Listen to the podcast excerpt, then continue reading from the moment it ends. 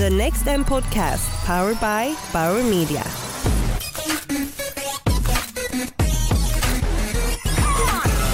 Hej och välkomna till Next M-podcasten 2017 som presenteras av Bauer Media. Mitt namn är Martin Hugosson och jag är VD på Maxios Communications. Jag kommer att leda en serie avsnitt med fördjupning kring de ämnen som tas upp på Next M. Nu är det andra dagen och jag sitter i Bauer Medias bås tillsammans med Sabine von Gaften som är kommunikationsexpert och moderator på Women in Tech. Välkommen Sabine, vad kul att du ville komma. Ja, men tack för att jag fick komma. Känns jättekul.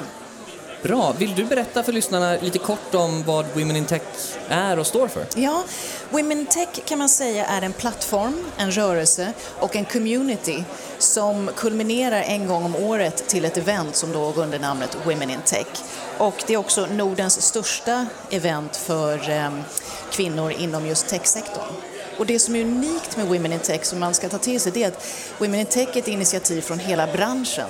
Så det vill säga att MTG, Bonnier, tidigare även Spotify, i år är mycket managementkonsultbolag som Ernst Young, eh, det finns även Accenture, Scania. Så att det är också ett bevis på att den här frågan är viktig för branschen också att belysa och det här blir en plattform för dem där man också kan ta upp de här frågorna. Och inte minst, medan du antecknar kan jag lägga till att i år, vi håller, Women in Tech är ju varje år på internationella kvinnodagen den 8 mars. Och i år hade vi 4 000 som tackade ja när vi skickade ut eh, förinbjudan då. Det är ju gratis i och med att branschen sponsrar det här. 4 000 kvinnor som tackade ja och sen så var vi då 1300 på Folkets hus. Så det visar ju också på ett intresse även bland kvinnorna att det här är verkligen en fråga som är viktig. Ja, och män, det var även män Ja, på Women in Tech. bra. Men om man varför behövs det? Varför behövs det? Jo, det kan man ju se. Ett för att ett event som det här är så pass uppskattat både utav kvinnor, män och också branschen. Men sen tror jag att det, det är viktigt att belysa för att det här är ju inte en fråga ur ett feministiskt perspektiv utan det här är ju en viktig fråga nu när teknologi blir den dominerande parten i allt inom näringsliv och utbildning. Och då är det väldigt viktigt att vi har en diversity då som man heter, en mångfald, att det finns kvinnor och män som både utvecklar de här teknikerna, koder och så vidare. Om man tittar på företag pratar ju idag om att man utvecklar produkter och tjänster för sina kunder. Och kunderna är ju både män och kvinnor. Då borde det även vara så att de som utvecklar de här produkterna, kodar, vad det nu än må vara, ska också vara män och kvinnor. Så att jag tror därför är ett sånt här event viktigt för att också belysa, för att debattera, för att informera, ge kunskap men också inspiration och aspiration. Det här är också en möjlighet för kvinnliga eh, studenter eller de som aspirerar eller är nyfikna på techbranschen att få möta kvinnliga ledare och ibland även män för att se vad innefattar det här yrkesgruppen, vad, vad är tech, vad är liksom kodning, programmering och så vidare. Men jag inbillar mig att i princip alla skulle på en direkt fråga säga att de är för mångfald. Men eftersom det ändå finns ett behov av det så måste det finnas en del barriärer mot det. Vilka, vilka är det? Det beror på lite grann vad du lägger i frågan mångfald. Om du menar mångfald utifrån eh, olika mm, yrkeskompetenser från olika länder och så vidare. Eller om du menar mångfald utifrån kvinnor och män på en arbetsplats. Jag tänkte på Women in Tech. Ja. Nej, nej, jag tror att om jag tar tillbaka frågan så tror jag mångfald eller gender diversity på en arbetsplats är av vikt för att det behövs både ett manligt och ett kvinnligt perspektiv och vi också kompletterar varandra kunskapsmässigt. Men det här handlar också egentligen om att belysa det. Jag kan ibland se det som en, ett helt ekosystem. Vi pratar väldigt mycket om att det kanske ska vara kvotering eller så vidare men det, det måste ju också finnas kompetens och kunskap och det börjar egentligen redan i grundskolan. Så att jag ser mycket också den här kompetensförsörjningskedjan, att man redan tittar från grundskola, akademia, näringsliv, offentlig sektor, att det måste egentligen bli en helhetsbild och samarbete mellan alla parter för att kunna lyfta den här frågan. För att det är inte bara att det, det är mångfald och, och, och kvinnligt eller manligt perspektiv utan det handlar hur vi också ska få in den kompetens och arbetskraft som en marknad som till exempel tech efterfrågar. Och då är ju det, ska ju det vara bland den kompetens och arbetskraft som finns. Då finns det män och kvinnor, pojkar och flickor. Så vad ska man tänka på som, som chef i kommunikationsbranschen kring att riva ner barriärer som kan eller kan inte finnas mot en jämställdhet mellan kvinnor och män? Jag tror att det finns många aspekter, men jag, jag tror framför allt så tror jag att kunskap, och kunskap förmedlas oftast via dialog, kommunikation, ett event som det här, ett event som Women in Tech, så det är en plattform att, att förmedla kunskap, att skapa en dialog, inte bara i varsin silo, det vill säga kvinnor och kvinnor och män och män, utan jag kan ibland också eh, sakna en plattform där du har män och kvinnor som kanske belyser de här frågorna gemensamt. Om det är en paneldiskussion eller någonting annat. För att det gäller också att kunna förstå ur, ur respektives perspektiv. Sen tror jag också i, i rekryteringsfasen, jag tror att det är viktigt att man kanske även breddar där. För att om man efterfrågar en kompetens, i det här fallet, låt säga att det är en kvinnlig kompetens inom tech, så finns det många gånger man säger att nej men det finns inte tillräckligt med kvinnor. Men jag tror också det är viktigt att man tittar, det finns enormt många olika communities och nätverk idag. Women in Tech är ett, det finns 6 000 kvinnor där som är, antingen jobbar inom tech, utbildar sig inom tech eller intresserade. Så bara där finns det en plattform för rekrytering.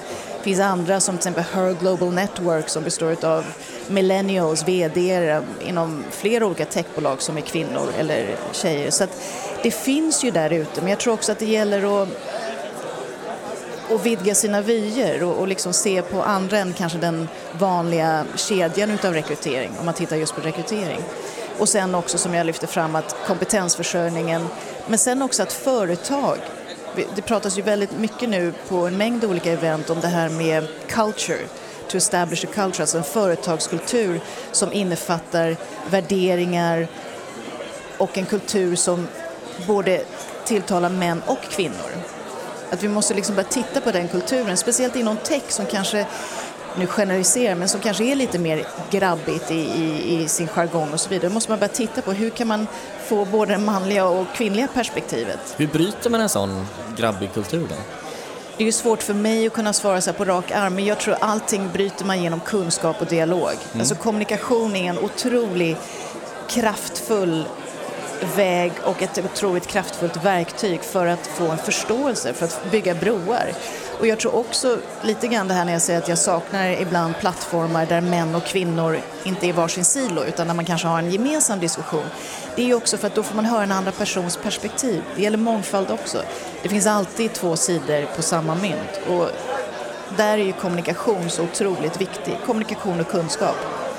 Och sen tror jag också att hela tiden lyfta lyfta frågan och inte kanske bara lyfta frågan som en debatt utan även lyfta frågan som ett samtal. Att med nyfikenhet se hur kan vi verkligen eh, titta på det här. Och också att man har ledare som redan är inom tech, både män och kvinnor, som för den här frågan och försöker titta på hur kan vi lösa det här? Vad, vad, vad finns det för kulturer? Vad, vad, är det för kultur vi ska förändra? För att just nu är ju hela världen i ett paradigmskifte.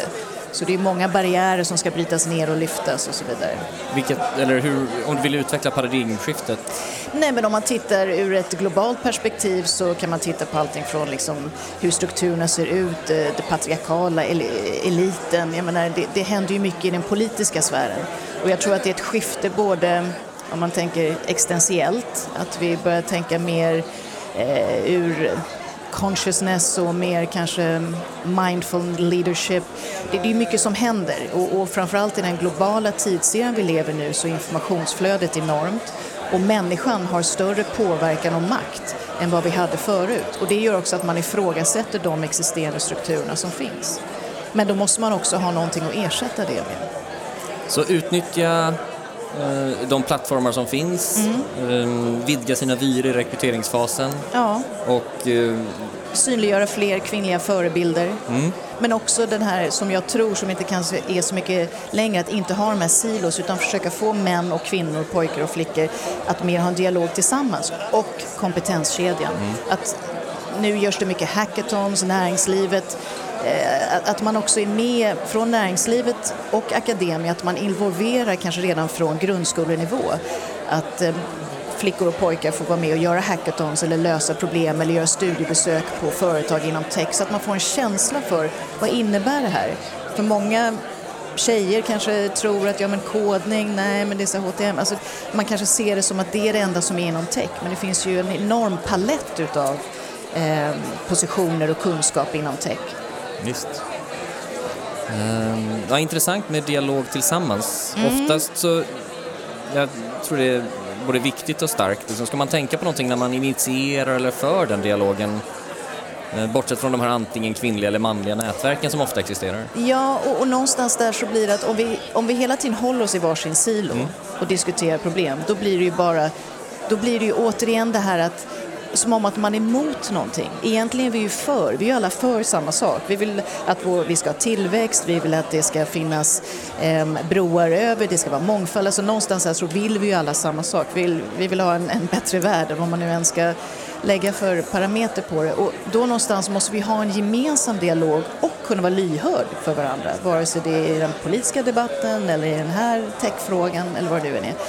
Ehm, och även mellan branscher. Och sen också att man tittar mer på sin eh, kultur. Och det är också lite det med Women in Tech, i och med att vi då har branschen representerad som sponsorer så förutsätter ju jag att de också kan leda vägen lite. För de är ju med och visar att det här är en viktig fråga och då hoppas jag att de tar till sig det i sina bolag och börjar titta på hur deras företagskultur ser ut. Så att om man vill bli bättre på det här, ska man besöka Women in Tech då, när man väl har chansen att få en plats? Ja, men det tycker jag. Jag tycker Ja. alltid man, alltså kunskap ger eh, nytta, så det, det tycker jag. Men, men jag tycker man ska besöka, det finns ju många plattformar och många events och det, det, det, det är tillgänglig information. Men, men sen lite grann back to basics. Jag menar män och kvinnor, det, det, vi är här tillsammans, vi behövs tillsammans, vi kompletterar varandra tillsammans, vi ska utveckla produkter tillsammans som vi tillsammans ska nyttja. Så att för mig är det inte liksom eh, någonstans ibland en no-brainer men sen ska det in i de så att säga eh, företagsvärldar vi har och då kanske det är lättare sagt än gjort. Men ju mer frågan är på tapeten, ju mer dialog vi har desto större framgång har vi att bana vägen framåt. Stort tack! Tack själv!